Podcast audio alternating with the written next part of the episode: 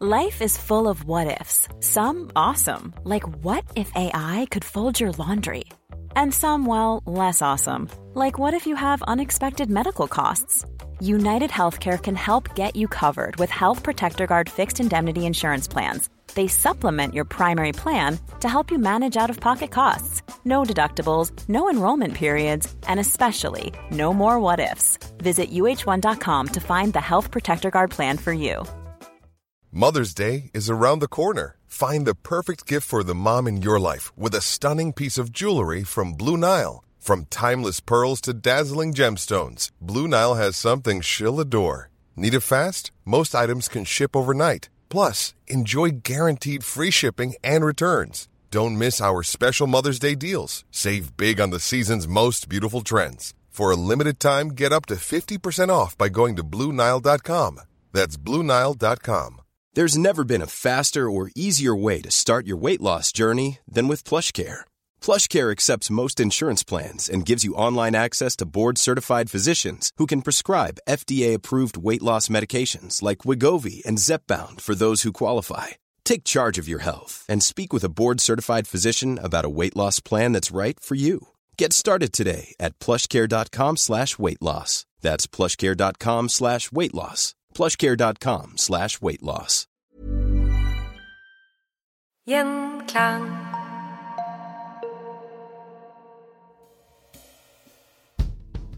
Mellom 1885 og 1908 regjerte kong Leopold 2. personlig over det som i dag heter Den demokratiske republikken Kongo. Dette gigantiske området ble kong Leopolds lekegrind, og for å si det mildt gikk det ikke så bra for de som allerede bodde der.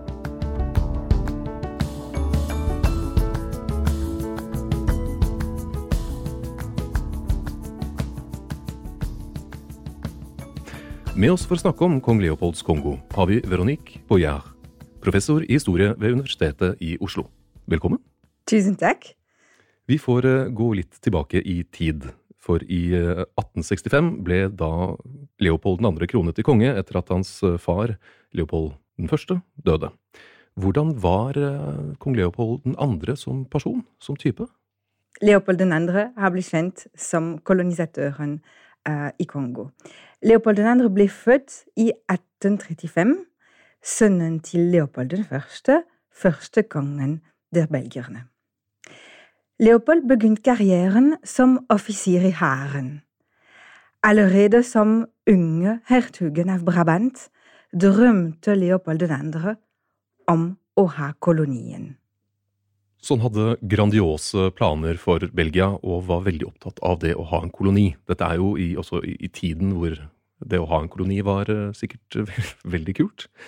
Men hvorfor var så Hvorfor var det egentlig så viktig for ham? Var det for å, at Belgia skulle være like store og tøffe som de andre naboene?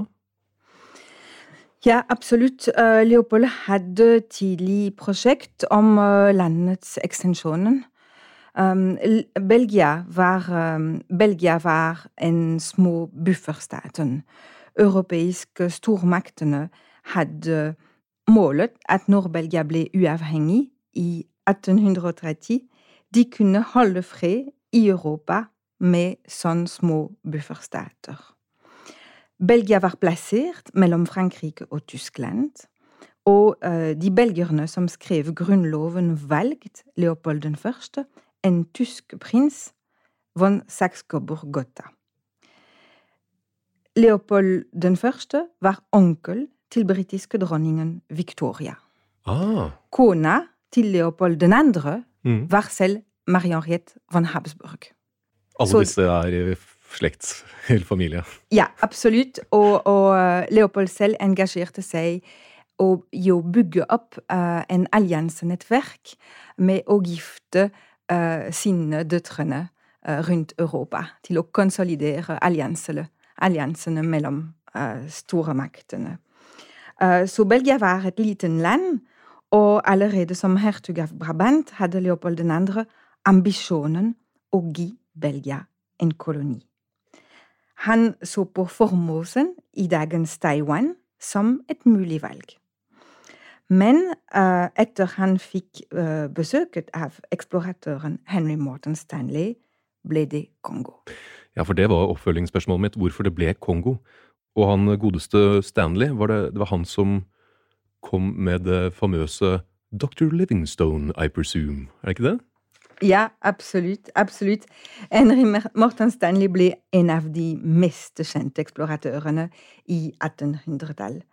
Eh, Stanley ledet flere ekspedisjoner i Kongo. Han var walisisk-amerikansk og vokste opp i elende. Han ble først journalist og ble korrespondent til Midtøsten. Og senere ble han eksploratør, og han ledet flere misjoner til Kongo. Hmm. Den mest kjente uh, er egentlig ekspedisjonen for å hente misjonæren David Livingstone. Yeah. Og vi husker uh, Dr. Livingstone, I presume. Yeah. Stanley var kjempeflink og også scenarisere sine erfaringer. Og han solgte mange bøker um, om uh, narrativer om ekspedisjoner. Og Stanley også, etter John Speak, utforsket Nilens kilder. Mm. Uh, så Stanley kartla store deler av Kongo for Leopold.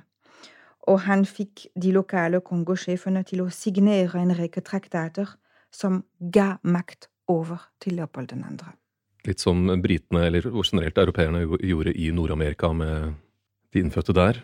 Men hvordan så Kongo ut før belgierne kom? Dette er jo et gigantisk område?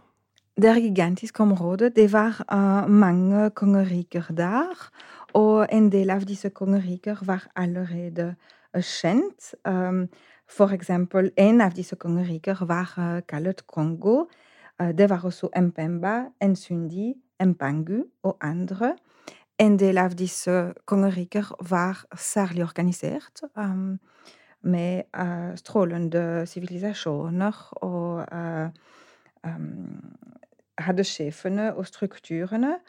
Og om det har uh, lingvistikker hjulpet historikere for å kartlegge disse kongeriker.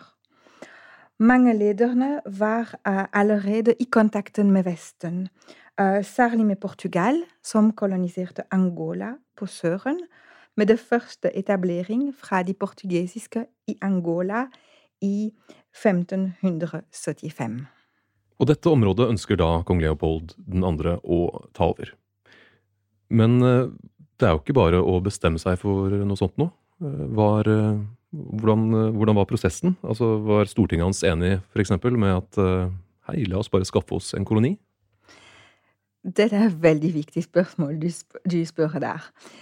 Stortinget i Belgia var uenig med Leopold 2. om kolonien.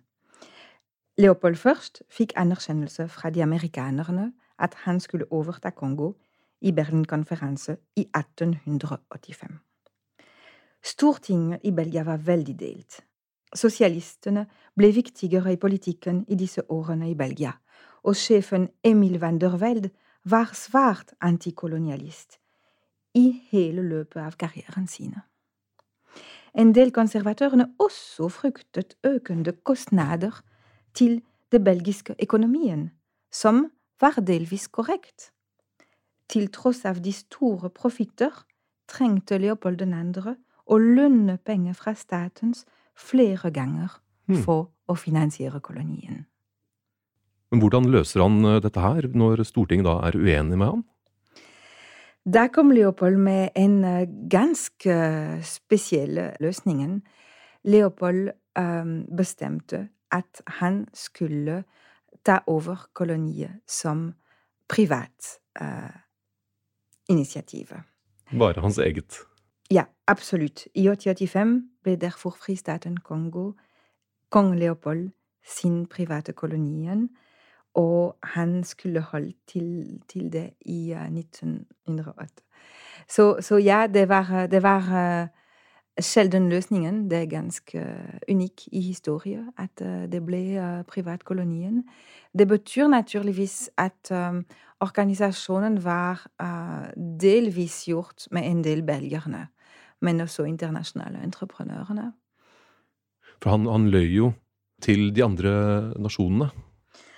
Ja, absolutt. Så Leopold uh, lovde en del uh, tingene. Han lovde han skulle avskaffe slaveriet. Um, og han faktisk uh, sendte ut en del uh, slavedrever, som uh, en det mest kjente var Tipotip, uh, som var fra uh, Vest-Afrika. Og han sendte ham ut av uh, slaverihandel. Um, så på denne måten Det ble det. Men Leopold til å organisere kolonien selv organiserte tvangsarbeid som var ikke så forskjellig enn slaveriet.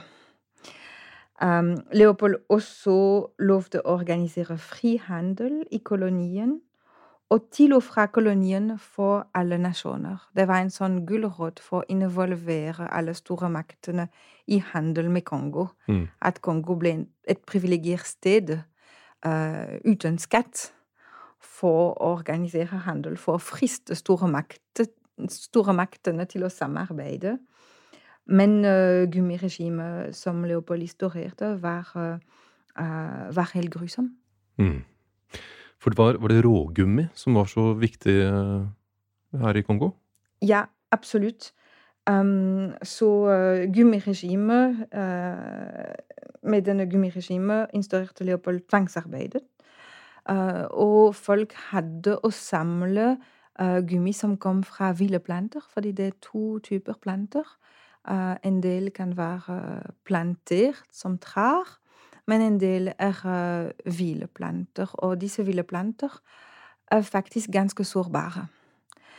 Og Leopold uh, hadde ikke forstått det, så han uh, sendte menn for utnyttelse uten å tenke om fornyelse.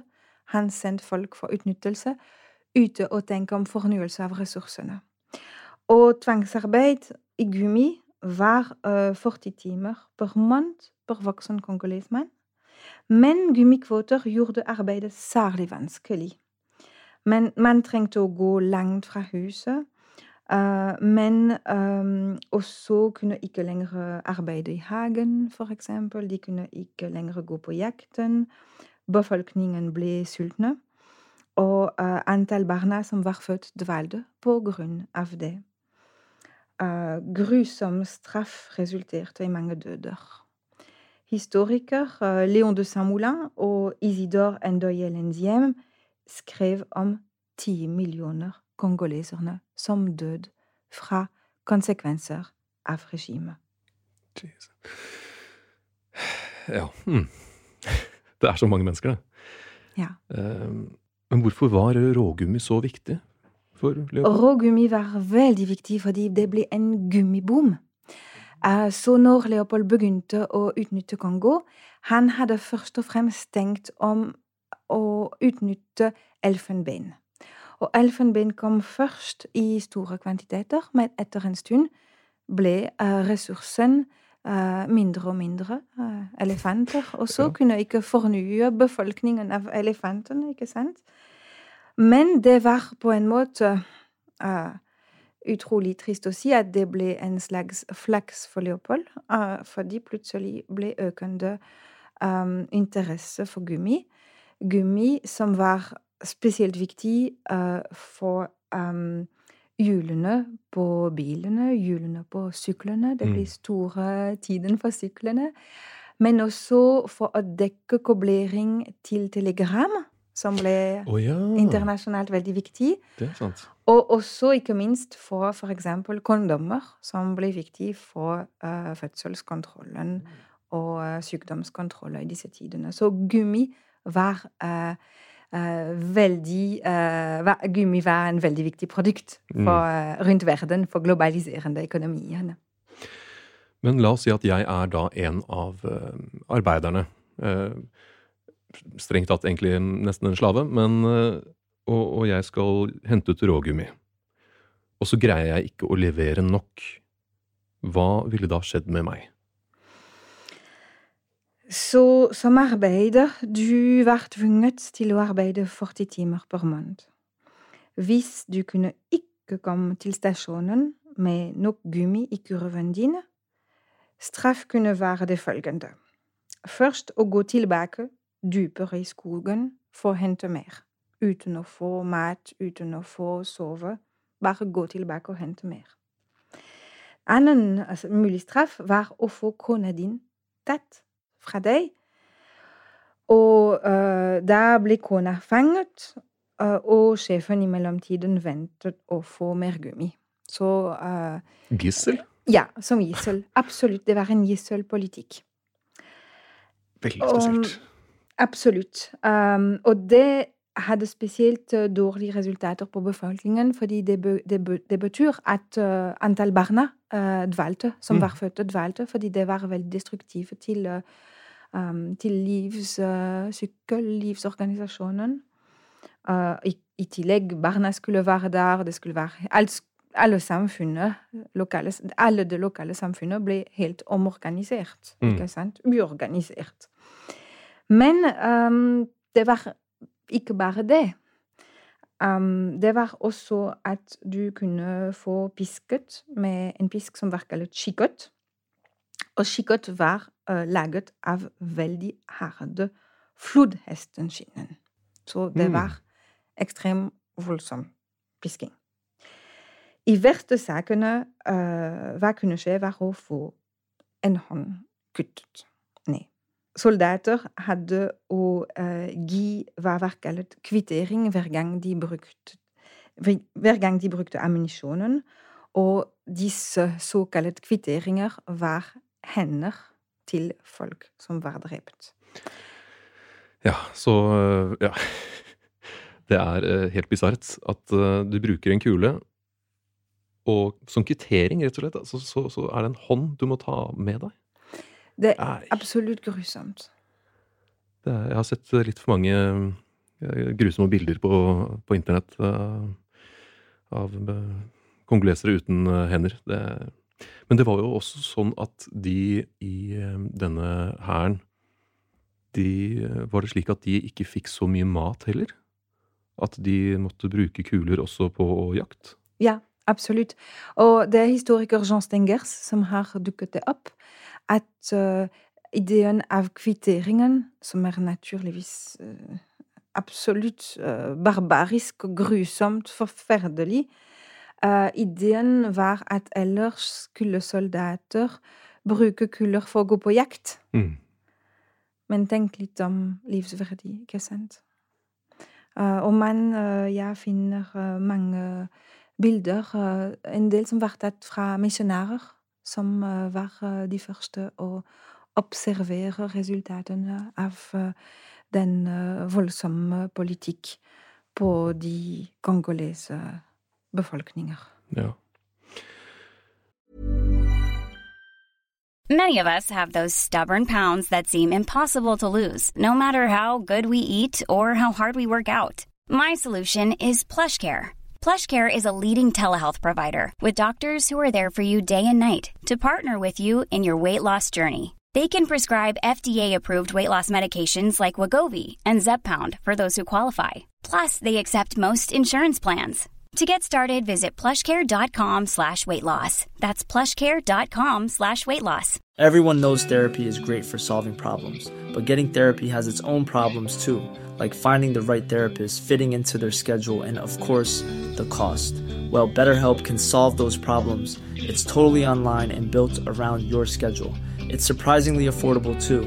Connect with a credentialed therapist by phone, video, or online chat, all from the comfort of your home. Visit betterhelp.com to learn more and save 10% on your first month. That's BetterHelp, H E L P. Quality sleep is essential. That's why the Sleep Number Smart Bed is designed for your ever evolving sleep needs. Need a bed that's firmer or softer on either side? Helps you sleep at a comfortable temperature? Sleep Number Smart Beds let you individualize your comfort so you sleep better together. JD Power ranks Sleep Number number 1 in customer satisfaction with mattresses purchased in-store. And now, save 50% on the Sleep Number limited edition Smart Bed for a limited time. For JD Power 2023 award information, visit jdpower.com/awards. Only at a Sleep Number store or sleepnumber.com.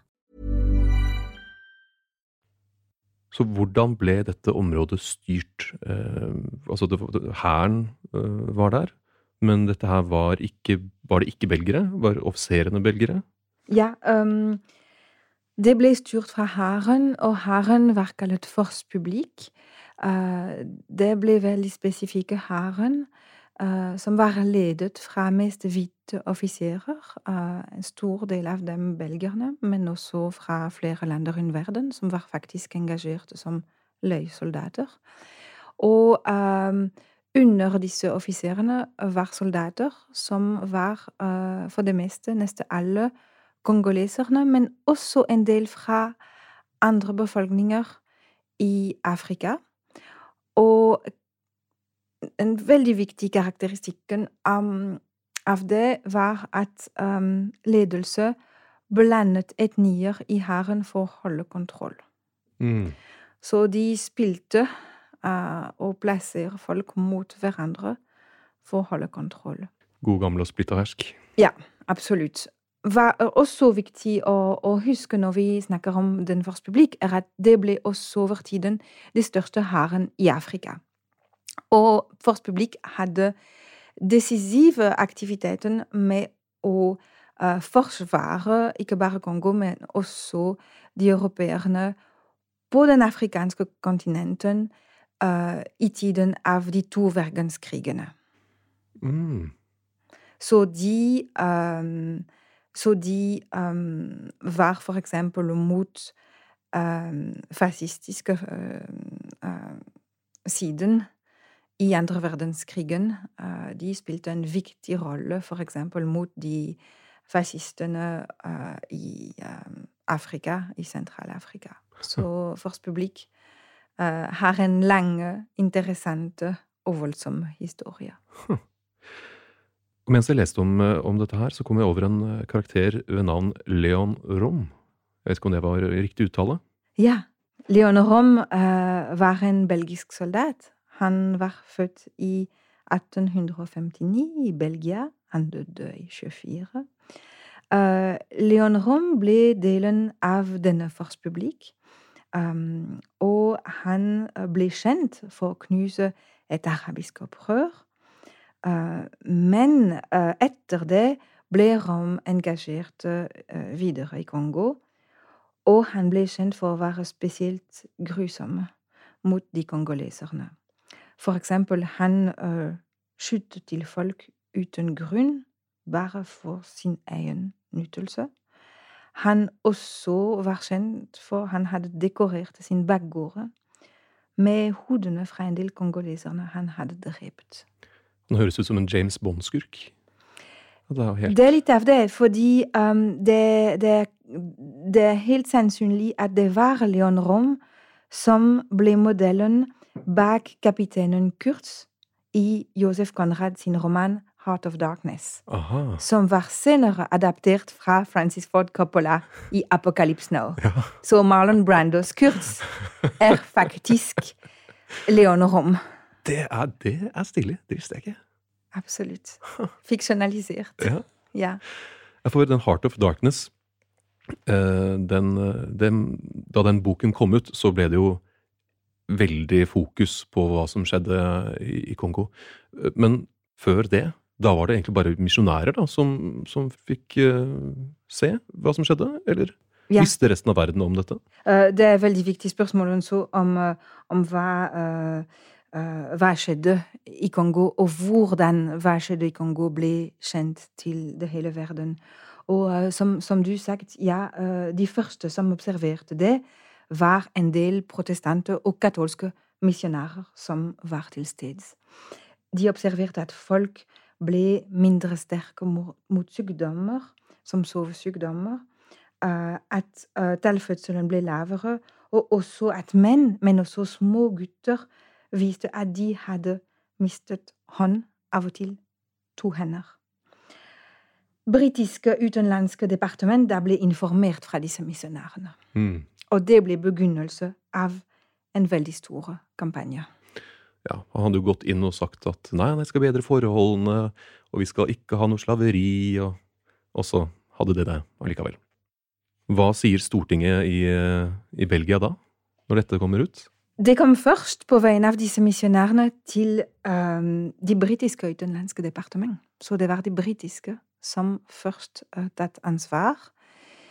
Uh, det var også spørsmål om uh, hvis det var uh, tillatt for utenlandske land, de briterne, for å innblande seg i Belgia sine affærer. Og de britiske sendte inn, heldigvis, veldig dyktige konsulen, irske konsulen Roger Casement, mm. for å gå seg nærmere.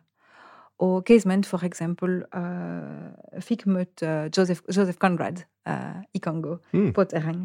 Og Casement var flere måneder i Kongo. Han gikk i hele landet selv, på elva, mot skogen. Og han noterte alt, og Casement da sendte en rapport til utenlandske departement. Og denne rapporten er veldig viktige kilde om hva skjedde med nærme intervjuer. Det er en modell i journalistisk kritikk, faktisk. Um, og kilden selv er ekstremt rik, ekstremt grusom, viser ekstrem grusomhet. Det er uh, um, hjerteknusende. Uh, og når vi leser det i klasserommet med studenter, vi forstår hvor vanskelig er det å arbeide med vold fra rene, gode historiske kilder. Mm. Um, og, og Casement ga bevis om, uh, om alt han hadde sett, for verden å se. Ja, og hva sier verden da? Da um, rapporten ble uh, lest, naturligvis, med mye interesse i Storbritannia, men også i Belgia, og uh, Leopold 2. selv bestilte en annen rapport. Han valgte to ekspertene som han trodde var uh, nøytrale. Uh, fordi det var litt snakking at kanskje de briterne hadde interesse å prøve å få tak av Kongo-rikdommer. Aha, ok. Men uh, ekspertene Leopold Send uh, var helt enig med Casement på mm. alt. Aha. Hva, hva, skjer da? Leopold hadde å gi Kongo til de belgierne. Så Leopold gir da Kongo til Belgia. Men endrer det noe? Ja, um, det, det, er et veldig viktig spørsmål å tenke hva forandret. Og uh, Leopold døde også uh, neste år, så det ble en annen konge, uh, sin nevø Albert 1. Og Albert hadde en helt annen filosofi enn selv som leder. Naturligvis, han var ikke alene, fordi Belgia er konstitusjonelle monarkiet. Og ledelse kom fra i Brussel, uh, uh, departement av kolonier. Og Belgia hadde å uh, love til verden også i offentligheten at Kongo skulle være ledet som en modellkolonien. Okay.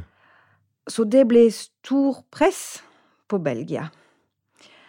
Um, og ideen var at profitt istedenfor å gå rett til lommene til Leopold, um, at profitt skulle gå inn uh, for å investere tilbake i koloniens infrastrukturene. Mm.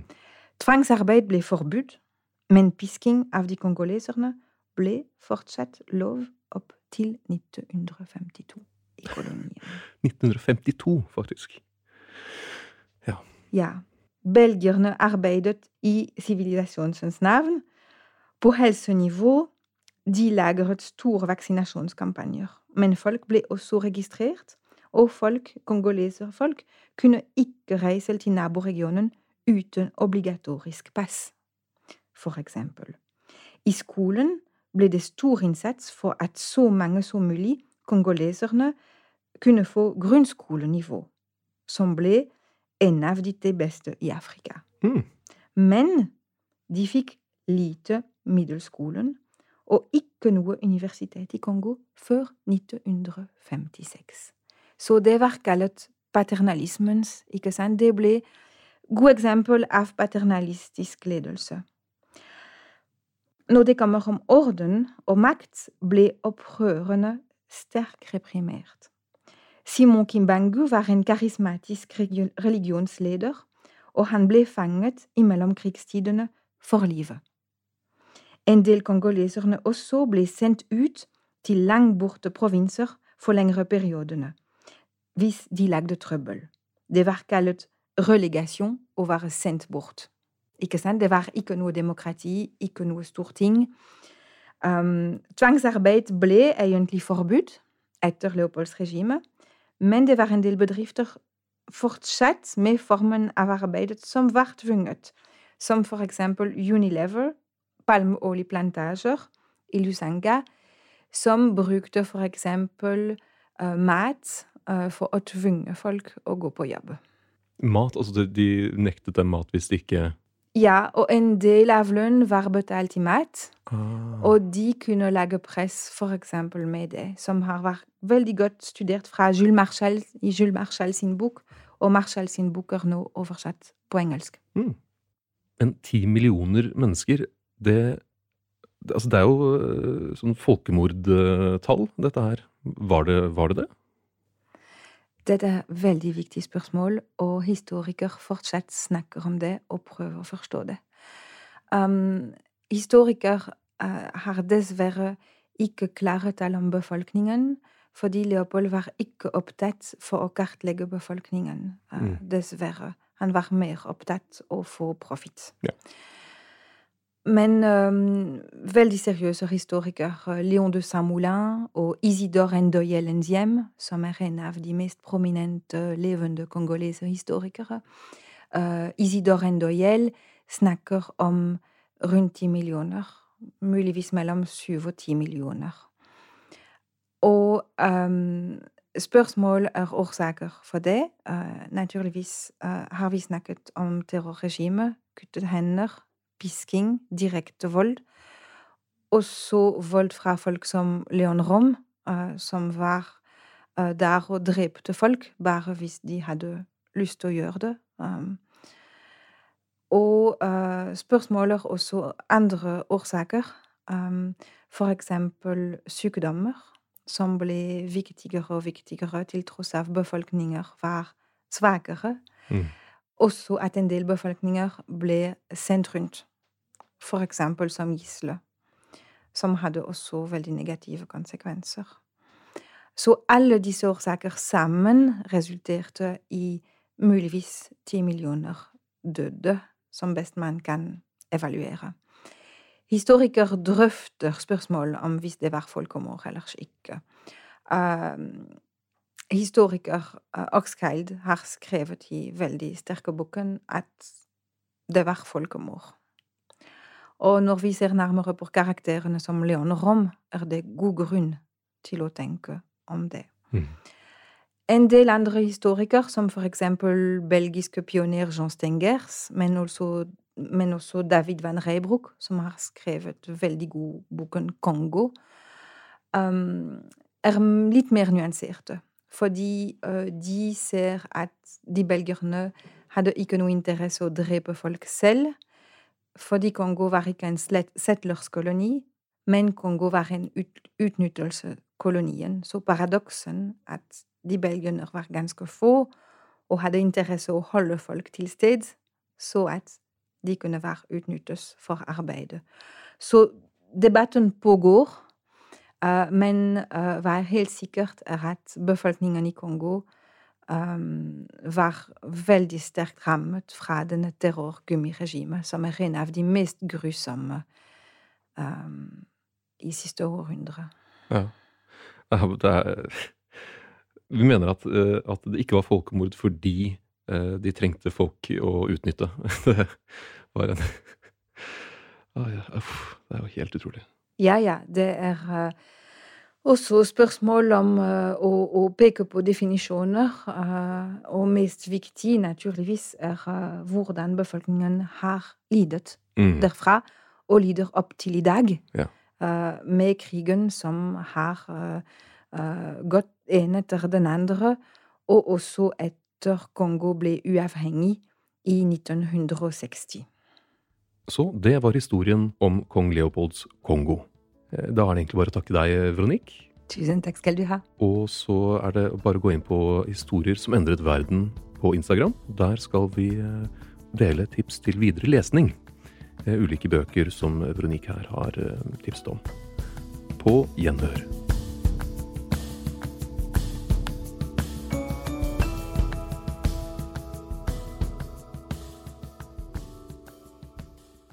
Gjenklang.